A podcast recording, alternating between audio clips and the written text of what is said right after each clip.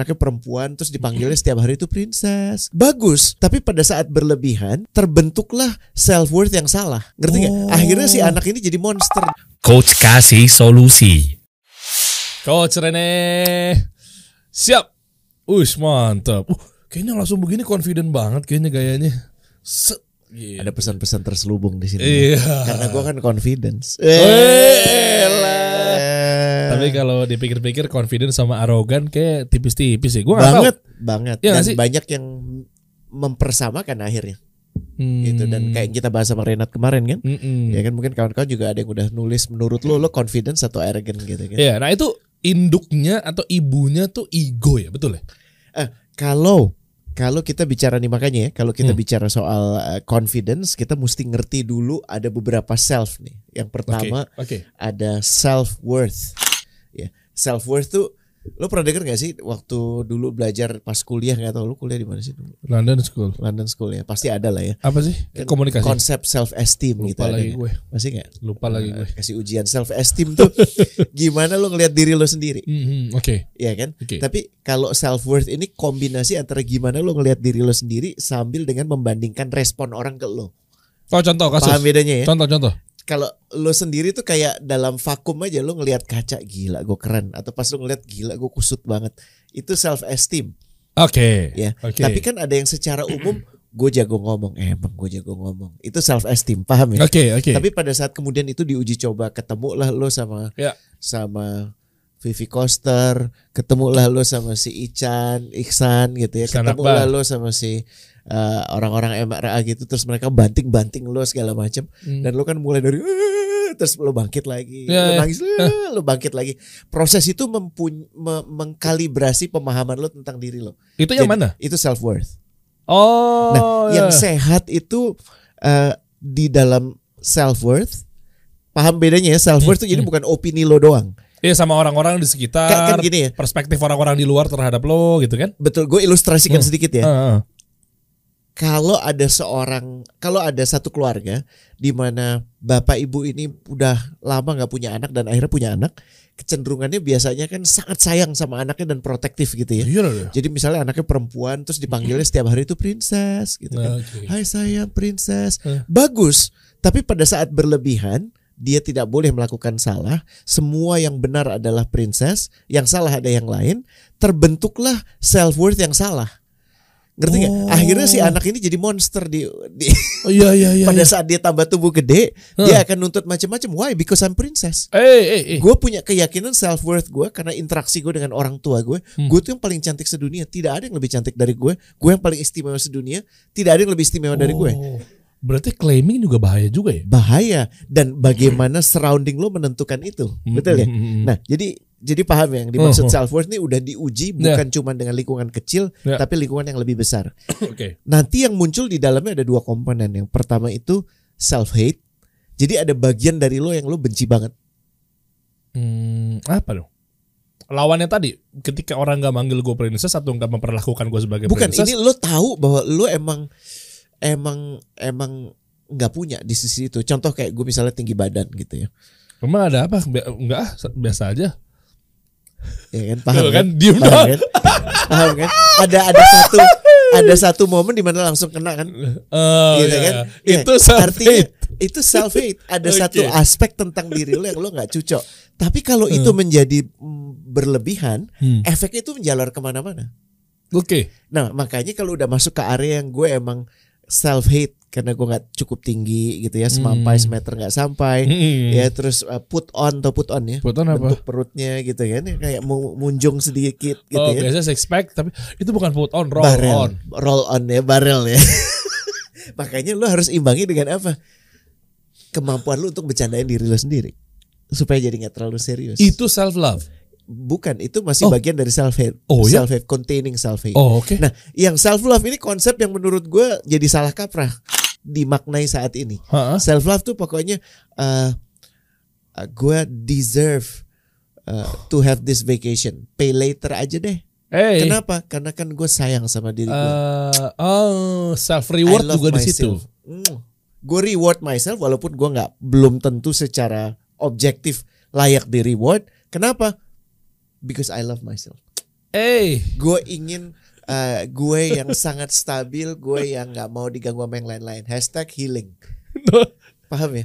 geli banget gue sama orang-orang gitu. Bener gak sih? Asli. Tapi tapi ini banyak sekali dan dan kita mau bicara kon, lo nggak akan bisa membedakan antara confidence dan arrogance kalau nggak memahami self worth dulu.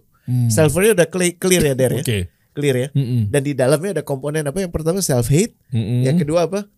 Self love. self love. Self love boleh nggak? Boleh, tapi nggak boleh terlalu dominan sehingga lo merasa sedemikian rupa sangat layak dicintai, bahkan lo mendahulukan lo dibandingkan orang lain. Apa side effect-nya apa? Ya jadi egoistik lah, narsisistik Oh. lah, iya kan? Turunan yang kita pernah bahas waktu itu, betul nggak? Oke. So, yang gue pengen bahas sebenarnya ada beberapa hal yang sebelum kita sampai pada kesimpulan. Jadi sebenarnya gimana nih? Ya, gue ingin menegaskan dulu bahwa sebagai Muslim kita meyakini Allah sudah muliakan segenap bani Adam, betul nggak? Mm-mm, mm-mm. Iya kan? Iya, iya. Ya kan ini udah bahkan ada di Quran kan? Ya dari zaman pas waktu Nabi Adam di Wa- sana. Walaqad karamna bani Adam, betul kan? Mm-mm. Nah. Ya kan eh, eh, sebagai bentuk misalnya cerita tentang Allah nyuruh iblis untuk bersujud kepada manusia kan. Semuanya malaikat, iblis Ah. yang nggak mau kan? Iya kan? Semuanya makhluk disuruh sujud, Iya, iya. ya kan? Itu kan bentuk kemuliaan dari manusia di mata iblis dan seterusnya maksudnya. Kemuliaan manusia bahkan yang paling penting di mata Allah. Hmm, iya. Iya kan? iya. Karena Allah sudah muliakan manusia. Nah, jadi pertanyaan nomor satu, eh, kenapa harus memandang rendah orang lain? Oke, Menarik ya. Oke. Jadi, oke. jadi nomor satu, Ah. yang eh, basisnya harus dipahami dulu. Kalau Allah sudah memuliakan bani Adam, yang artinya lu, Mhm. gue, Aldan, Iya. kenapa? Pertanyaan pertama, ya harus memandang rendah orang lain. Jujur, Satu. Terus kemudian kedua, ini gue belum tulis nih, ya kan? Eh, Lupa gue. Nomor dua, aha, kenapa aha, mau aha. dipandang Oke. rendah oleh orang lain. Paham nggak? Kenapa harus memandang rendah orang lain? Ini Satu. kita nih, kita nih. Kita nge kita kena. Jadi tujuannya sebenarnya begini. Kalau yang sudah memuliakan Allah dan kalau sudah dimuliakan Allah, ada nggak yang lebih tinggi dari Allah? Eh, enggak lah. Nggak ada. Kalau gitu kenapa lo mesti membuat orang jadi tidak mulia? Oh ya. Paham ya? Ya. Atau kenapa lo mesti merasa rendah? Mhm. Kan lo udah dimuliakan Iya. dan dimuliakannya tapi mesti jadi oh gue udah mulia ya artinya semua harus muliakan gue paham ya kenapa ya, Ya, ya, kan ya, Allah udah jelaskan ya kuciptakan makhluk ini terbuat dari tanah ya Hmm, kan hmm, mintin ya kan kemudian kutiupkan ruh Mhm. ya kan dan Hmm. dia mempunyai kemampuan untuk tawazun tawazun itu artinya kemampuan untuk memunculkan keseimbangan. Mhm. kita tuh mulia karena itu. Allah jelaskan kemuliaan kita datangnya dari tiga itu. Mhm. jadi kalau kita udah jelas kita dari tanah ada yang dari api nggak? Enggak dong. bukan ya. Berarti lu Enggak. bukan bani Adam ya bani iblis itu kan. Iya. ya kan? Nomor dua lo eh, ini nggak? Ada ruhnya nggak? Adalah. ada selama lo masih ada ruhnya udah. Dan ketiga lo memunculkan keseimbangan nggak? Ini harus diuji lo punya kemampuan memunculkan keseimbangan atau enggak jadi nomor satu jangan senang banding bandingkan karena Iya. itu udah jelas nggak pas Ya. itu nggak sesuai dengan Ya. eh, naturalnya kita seperti apa Oke, kalau yang nomor dua, ini bukan malah jadi efeknya lo malah jadinya ego ya. Gue nggak tahu ya. Contoh, kenapa mau dipandang rendah or- oleh orang lain gitu kan? Terus dia jadi kayak, iya juga ya. Ih, iya gengsi Ja- banget gue. kenapa gue lebih mau di- tinggi gitu. Betul. Kenapa mau dipandang rendah orang lain? Artinya gini. eh, kenapa kemuliaan sudah Allah berikan, lo Mhm. merasa butuh dari orang lain, sehingga orang itu harus menganggap lo tinggi atau rendah. Jadi Oke. gue balik deh. Dipandang tinggi Mhm. atau rendah oleh orang lain. Ah, Oke. Lebih clear ya, Ya, ya, ya. iya kan? Lah, yang memuliakan lo Allah tidak ada lagi bisa lebih tinggi kok. Ah, exactly. Paham ya? Ya, ya. Paham ya? Ah, ah. Dan kalau lo udah, ini baru clear nih. ah, jadi Ah. lo boleh tinggi boleh rendah orang lain itu kan pendapat dia. Ah, ah. Tapi itu udah nggak terlalu mengganggu lo. Kenapa? Karena Allah sudah muliakan lo.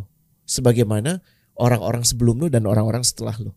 ya. Asalkan lo memenuhi tiga persyaratan tadi kan. Yang pertama terbuat dari tanah liat, kemudian kedua ada ruhnya dan ketiga bisa memunculkan keseimbangan. Hmm, Nah, Oke. Orang-orang istimewa di mata Allah melangkah dengan kerendah hatian.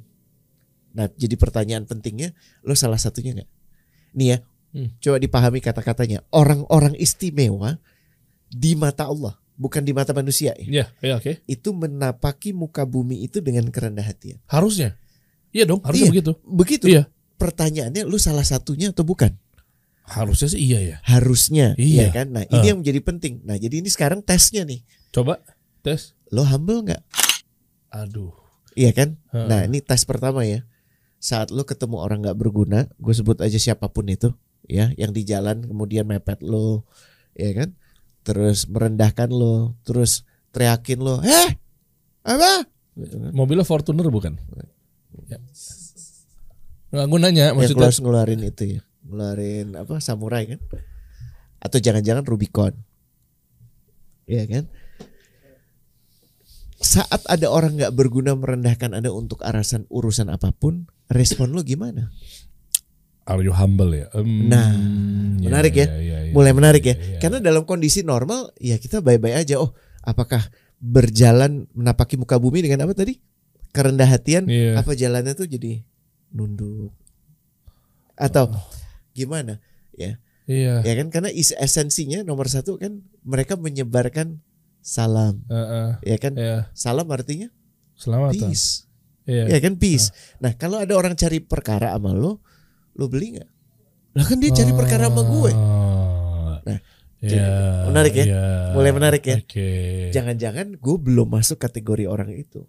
Wow, wow. Oh, ini ini ini ini. Dan mulai yang paling subtle ya. Eh. Misalnya ada temen lo yang ya udah lama atau atau orang yang baru kenal deh bahkan Mhm, terus meragukan lo mhm. dari podcast. Eh. Ngerti dia. Eh, Betul. Mana? Kok dibandingin Deddy Corbuzier nggak ada apa-apanya? eh. Atau dibandingin Helmi? Hmm. Atau dibandingin Indrawan? Hmm. Paham ya? Eh. Ca- Eh. Padahal dia bukan Dedi, dia bukan eh, apa? Iya benar. Dedi sih Ini kenapa, aja gitu ya. kenapa manusia kenapa begini Iya. sih modelannya? Iya Iya iya. Nah, Ini tuh gini. kayak live commentary di bola atau di tinju tuh gak sih? Ih, Dicoba deh disuruh main bola. Ah, Ronaldo dodol banget. Ah, bego banget sih bukannya lari dong. Ah, Males banget sih. iya. Bener nggak? Iya. Nah, saat lu Kenapa? berhadapan dengan kayak gitu, lu ngapain? Nah, karena ini indikator lo humble atau enggak. Hmm. Orang humble itu dia bisa memilih kapan dia mesti bicara dan bicaranya seperti apa. Dan kira-kira bicara dia akan memperbaiki keadaan atau memperkeruh keadaan. Sehingga dia Hmm. memilih untuk waktu-waktu yang tertentu lebih banyak, lebih sering bahkan dia akan ngomong gini, iya, gue emang bukan apa-apa, nggak apa-apa. Nah, kadang kayak gini disalahgunakan, coach. Maksudnya? Iya, ya lu tau lah. Misalnya gitu, humble ya. Iya gini. Nah, disalahgunakan sama orang yang kayak dia mah gampang orangnya. Mm-mm. Dia mah santai. Nah, tapi suatu sisi salah juga ketika kita kayak enggak humble gitu loh. Nah, jadi pilihannya harus di tengah-tengah kah atau memang ya udah humble aja. Di- diskresi, diskresi itu artinya gini. Apa? eh, diskresi ada di lo. Lo mau memilih yang mana? Kadang-kadang saat kita ketemu orang nggak berguna sama sekali, ada kebutuhan kita untuk juga tampil nggak berguna gitu ya. Jadi kalau Oh. emang orang udah ngere- udah udah kan cara ngelawan riak yang paling efektif ada- adalah dengan riak lain gitu ya. Iya kan? Kesombongan ya dilawan dengan segala satu bentuk kesombongan. Oh, aku emang eh, emang bukan siapa-siapa. Iya, emang lu bukan siapa-siapa gitu. Kadang-kadang emang digituin aja gitu. Iya ya. Iya kan? Bener. Jadi kita mesti bedakan antara humble ini humble kita butuh diakuin atau Iya. kita mau memberikan keselamatan. Memunculkan Hmm. keselamatan. Hmm. Iya kan? Kalau kalau misalnya Hmm. misalnya aja di satu tempat muslimnya nggak banyak. Hmm. Betul nggak? Hmm. Eh, mungkin cuman ada 30 orang jadi mereka harus mengadakan jumatan sendiri misalnya Hmm. ya kan kira-kira yang memimpin eh, yang memimpin khotbah memimpin eh, jumatan itu siapa baiknya?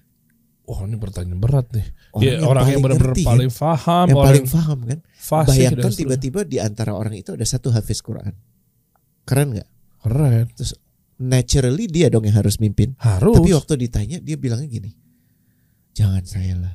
Saya bukan apa-apa saya nggak bisa apa-apa oh nggak bisa saya nih ini bos. hanya sekedar ini paham ya Iya, itu iya, juga iya. salah Eh, ya ya. Tapi di sisi sebaliknya, karena lu udah sekali, dua kali, tiga kali, akhirnya emang lu yang dimajukan terus. Terus suatu hari ada guru datang, Hmm. terus guru itu didaulat untuk jadi khotib. Hmm.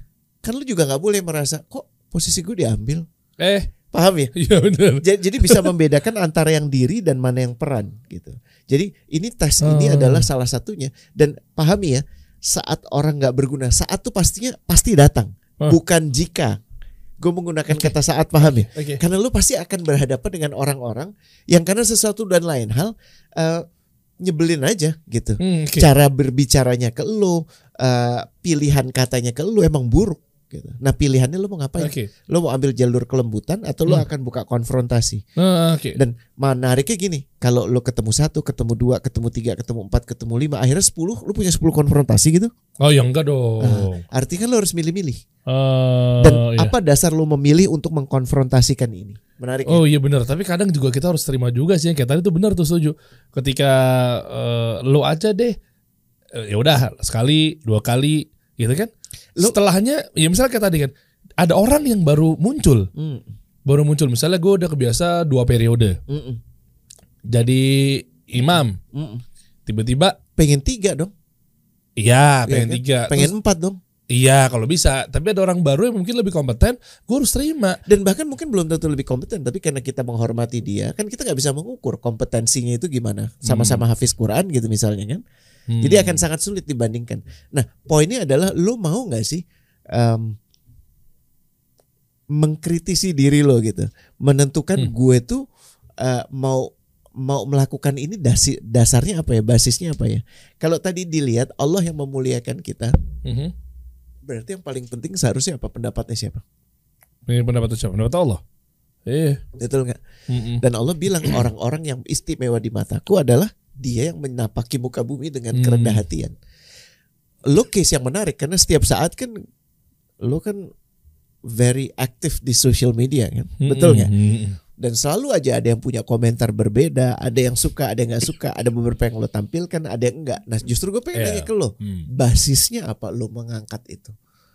Kan ada beberapa yang gue inget yang lo ru- luruskan waktu yang ada Gimana? sama Daniel kan waktu masih inget ya? Yang VJ Daniel. Iya kan? Mm. VJ Daniel lo, Oh, lo merasa iya. perlu untuk mengomentari itu. Nah, Iya. kan kenapa perlu melakukan itu? Tapi kalau lo mengatakan iya, karena gue harus meluruskan sesuatu cara pandang Iya, iya. yang nggak tepat. Soalnya gini, terkadang klarifikasi itu dibutuhkan kalau ternyata memang orang itu malah terkungkung sama pemikiran yang mungkin dirasa Exactly. bukan itu sebenarnya. Dan tugas lo kan bukan untuk mengubah cara pandang dia, karena cara pandang dia itu bersentuhan Iya. dengan apa yang lo lakukan. Betul. Lo cuman membenarkan sudut pandang lo aja. Itu itu. Pilihan lo mau ambil atau enggak itu kan pilihan dia. Betul. Betul ya. Di sini akhirnya muncullah eh, satu jalan tengah yang sehat. Mhm. Pada saat lo mengatakan ini bukan dalam konteks untuk meninggikan ego gue, bukan untuk membuka konfrontasi, Hmm. tapi justru untuk memberikan klarifikasi.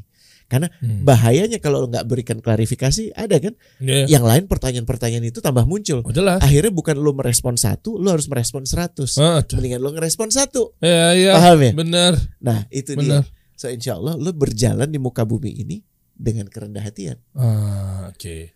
Oke. Menarik ya?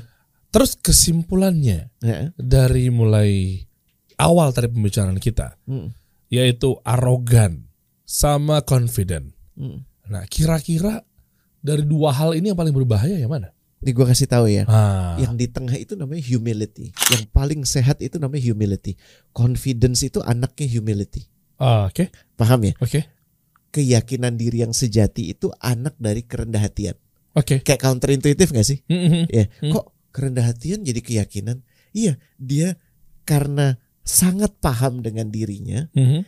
Dia merasa perlu rendah hati. Hmm. Kenapa? Karena dia ingin mempertahankan kemuliaan yang Allah sudah tempelkan ke dia. Mhm. maka dia mempunyai keyakinan. Gue nggak membutuhkan pengakuan dari selain yang lain, dari Allah aja cukup. Ya, ya, ya. Jadi gue yakin Ah, oke, itu garisnya adalah humility, oke. paham ya? Tengah dia ya? Tengah, Hmm. Ya kan? Oke. Tapi lo masih ingat ego kan ada dua jenis ya, ada ego yang diktator, opresor, Mhm. ada ego yang victim mentality. Hmm. Kalau ego yang opresor yang muncul, yang mendominasi, maka yang turun itu namanya arrogance. Oh, oke. Arrogance itu kebutuhannya adalah gue lebih baik dari lo. Gue lebih yakin dari lo. Bahkan keyakinan aja dia mau bandingin sama orang lain. Gila. Kan nggak bisa. Gila. Namanya juga keyakinan gimana iya, sih? gimana lo bisa bandingin keyakinan lo sama keyakinan orang lain? Ya nggak bisa lah. Ah, Tapi arrogance ini selalu mencari cara. Arogansi itu kan sebenarnya senang membandingkan, ya. ya kan? Dan dalam perbandingan yang dia munculkan itu dia ngerasa lebih tinggi. Iya lebih hebat. pasti gitu. Itu arogan. Hmm, Oke. Itu Oke. mudah, mudah dikenali. Yang rada sulit dikenali, yang menurut gue sangat berbahaya. Bahayanya bahaya laten karena sangat halus. Itu yang namanya victim mentality. Nah, victim mentality itu munculnya adalah doubtful, penuh ketidakyakinan, Mhm. penuh keraguan. Hmm. Tapi orang yang ada di victim mentality nggak terlalu kelihatan. Kalau orang yang oppressor kelihatan kan? Coba yang yang yang contohnya kayak gimana? Doubtful. Doubtful tuh jadi kayak misalnya uh, kita ambil contoh misalnya sebut aja dikasih solusi ada ada anak bermah-rumah momogi namanya A gitu ya. A L D A N gitu ya. Gak usah Aldan ya. dipanjangin. Ah, nggak jadinya usah ya? bukan inisial. Ah, bukan inisial, Jadinya ya. Aldan kebaca. Iya kan? Aldan tuh ini bukan Aldan yang ini ya, Aldan yang lain ya. Enggak yang ini aja nggak apa-apa. Yang ini nggak apa-apa Dia ya. lebih enak kok untuk jadi- diserang. dijadi dijadikan bahan ya. Dia dia ngerasa dia bukan siapa-siapa, dia bukan berasal dari keluarga ternama, dia nggak punya nggak punya apa influence apa-apa dan dia senang sekali ada kerja di sini tapi terus bosnya itu eh, bengis banget Uh. ya kan terus bukannya dia mencoba me- meluruskan seperti yang tadi kisah lo dengan yang yang berkomentar itu Hah? dia cuma ngomong gini ke dirinya iya emang gue bukan siapa-siapa ya udah emang gue digini Wah, kadang playing victim nih yang gini-gini nih. Nah, victim mentality itu ujungnya adalah playing victim dan akhirnya dia memunculkan ketidakyakinan dalam hidup dia sendiri Oh. gue udah bolak-balik cerita kayak Nabi Nabi Musa, ya kan Nabi Yusuf itu semua korban kan. Hmm. Tapi satu hal yang menarik mereka nggak pernah merasa sebagai korban. Lo dalam hidup lo ngelalui begitu banyak hal Hmm. dan dalam beberapa situasi lo korban. Mm-mm. Lo korban. Kayak Rafael Alun yang katrol itu kita semua korban ya, betul nggak? Hmm. betul nggak? Karena yang, di- yang diambil itu kan dana pajak sebenarnya kan. Ada uang kita juga. Ada uang kita juga, betul kan? Iya. Tapi lo nggak perlu merasa sebagai korban. Karena kalau lo merasa sebagai korban, lo nggak bisa apa-apa. Karena korban kan udah mati, diem aja udah, nggak Hmm. Iya. bisa apa-apa. Mm-mm. Nah, di sisi lain lo masih bisa melakukan banyak hal. So pertanyaannya, confidence lo tuh muncul dari mana? Iya. Apakah dari humility, Heeh. atau dari arrogance, atau dari oppressor, atau dari victim mentality? Waduh. Waduh. Tadi kita sebenarnya belum selesai ya. Ini Yang are you humble itu ya. Oh, oh. Ini kan pertanyaan pertama kalau ada orang yang merendahkan Anda untuk urusan apa pun, respon lu bagaimana? Hmm. Gitu ya. Oke. Yang kedua adalah saat orang memuji Anda, apa respon Anda? Contoh gila keren banget ya. Eh, Iya. emang lu baru tahu ya? Ah. Ya kan? Tapi menurut gue itu lebih waras sih ngerespon gitu Dibanding. daripada daripada "Ah, enggak semuanya memang sudah diberikan oleh Allah. Ya Allah. Bener nggak? Ya Pada Allah. saat lo jawab baru tahu gue keren, iya kan? Tapi lo tahu itu bercanda, Oh iya bisa dua maknanya. Bisa Ah. disangka bercanda juga. betul nggak? Kenapa? Ah. Karena lo tujuannya adalah untuk menghentikan orang itu memuji lo. Oh sama Kan kayak orang males iya, kan? iya. Sama kayak komen-komen yang Arya Birya kan? Iya iya sama kayak komen-komen yang misalnya cewek-cewek di Instagram gak sih? Kayak misalnya habis foto, habis itu temennya tuh segeng, centang biru juga sih, komen, ya, eh, ya Allah baby, cantik banget. Apaan sih kamu kalian lebih cantik? Ya, terus Dibalas. akhirnya terus kan, terus kan, enggak kamu yang lebih cantik, kamu, kamu yang lebih cantik, cantik kan kamu, kamu, kamu, kamu.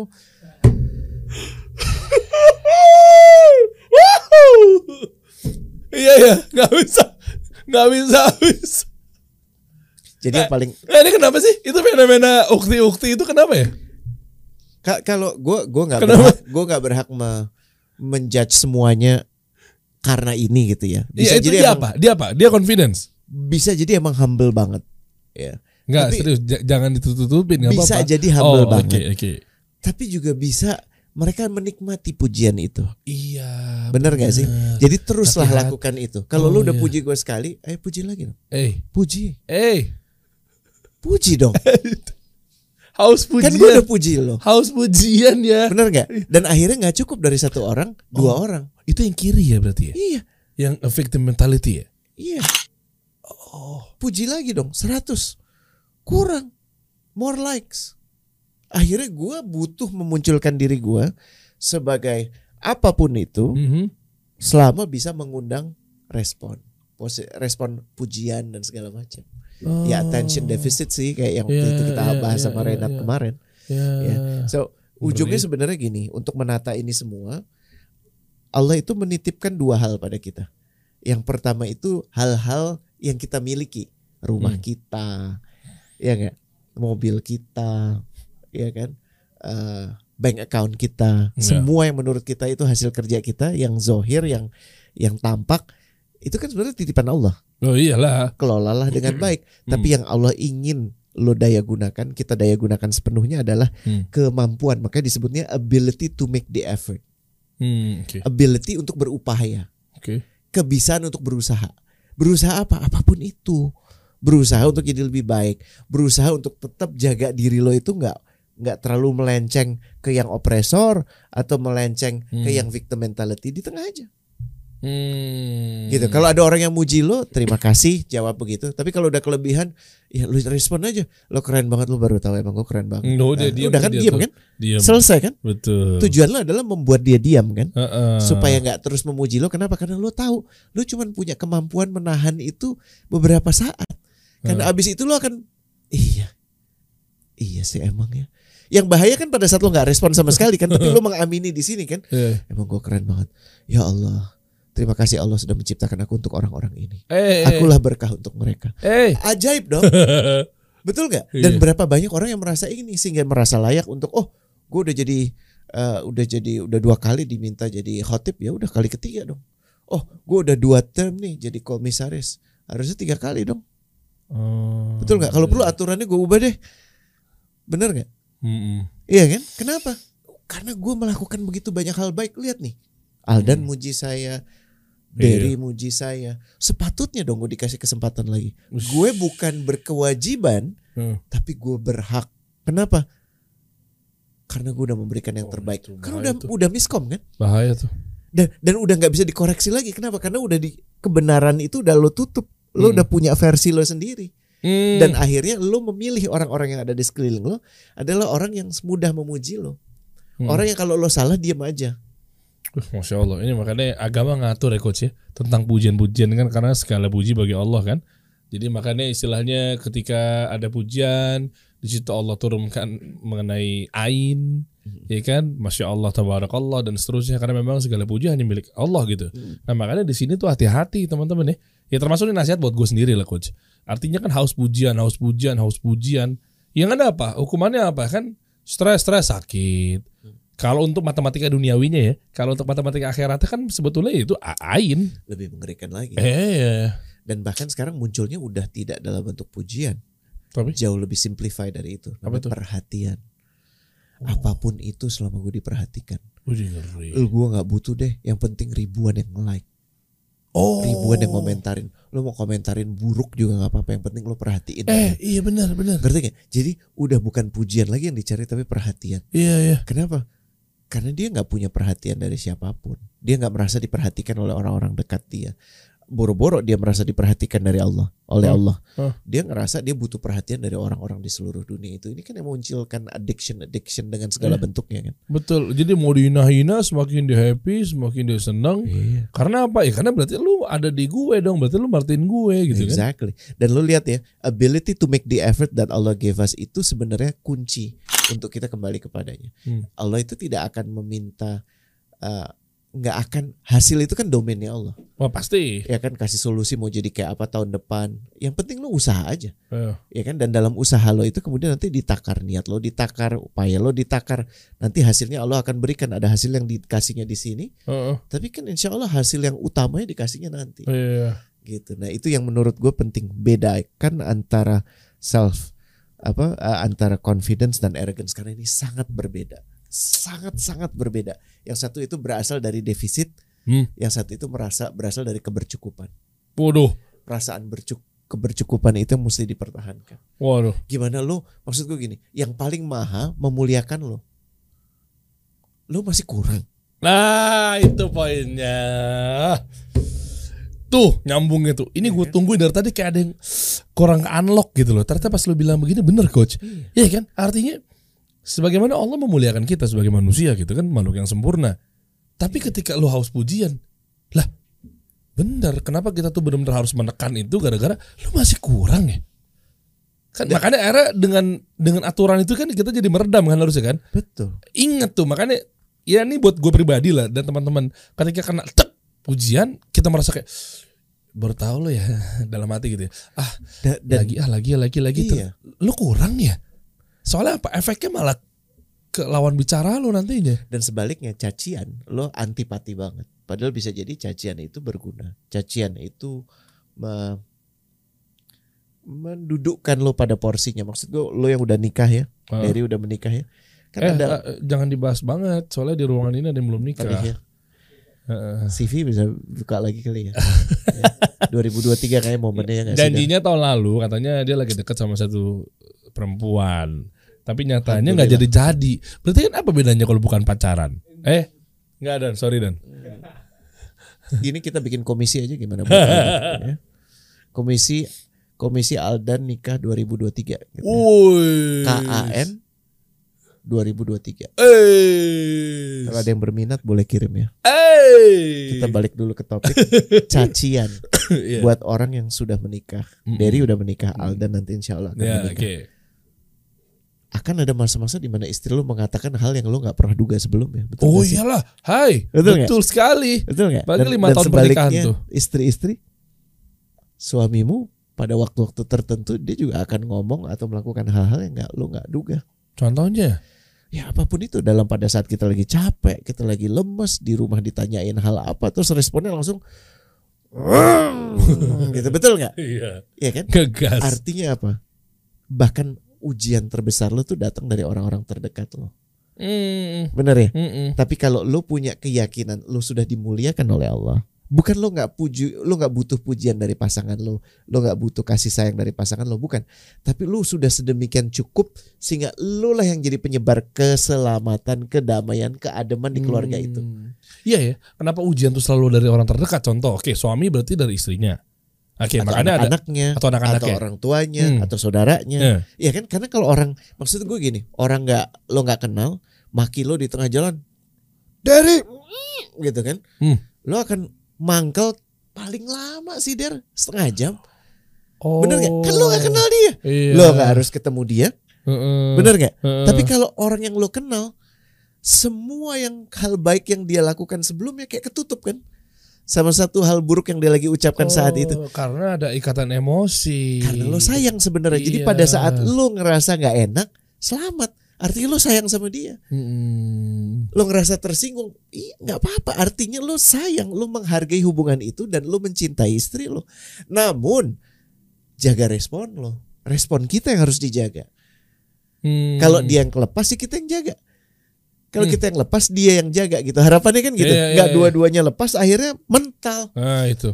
Itu yang paling bahaya kan. So, iya betul. Sebenarnya asik ya kalau ngajak teman-teman juga ikutan di tema kita kali ini kontribusi dan seterusnya mau cerita misalnya. Cuma mungkin lempar pertanyaannya seputar apa ya coach? Eh, Ya pokoknya nggak jauh-jauh dari confidence sama arogan. Gue nggak tahu mungkin apakah pengalaman bosnya. Kita bahas relationship kali ya abis ini. Iya, tapi mungkin buka komen dulu kita bahas dulu sebentar coach. Boleh. Jadi relationshipnya mungkin di eh, next week lah. Kayak menarik gini yang ujian paling besar Mm-mm. dari orang-orang terdekat lo itu apa? Gue Nah, pengen denger juga sih. nanti kita cek. Heeh. Berarti misalnya dari bos. Eh, Kalau cerita tentang kantor berarti dari bos. Atau Heeh. mungkin kalau cerita tentang keluarga mungkin dari, Dari sekitar. pasangan. Pasangan. dan seterusnya. Itu bisa Heeh. keukur. Betul. Misalkan ini orang ternyata arogan Heeh. atau apa atau apa atau apa dan kira-kira solusinya apa. Betul. Daripada ngukur orang, kita coba ngukur diri sendiri ya. Ah. Nanti kita akan yang gue tanya sebenarnya atas kejadian apa pun yang menyesakkan itu, gue pengen denger justru respon lo gimana. Iya, Ya. iya, komen aja Ya. di bawah ya. Nggak apa-apa, lo lepas juga nggak apa-apa kan ini respon gue akhirnya gue gue babat aja coach. Ya Nah. nggak apa-apa, ini kan bentuk pembelajaran ya. Oke. Mudah-mudahan dari sini kita bisa apa bisa sama-sama tarik pelajaran bahwa kalau lo mengambil pilihan yang salah ya tentunya berikutnya akan lebih berat. gitu. Iya, iya, Jadi iya. yang lain juga bisa lihat. Let's do that. Oke lah, boleh ya. Ya. Kita bahas itu dulu. Baru Mari. nanti sambunginnya kalau ketika udah dapat solusi, baru kita masuk ke relationship. Boleh. Tuh nyambung gitu, biar kita interaktif juga sama teman-teman. Mari. Ya oke ya kita bahas next week. Coach kasih solusi.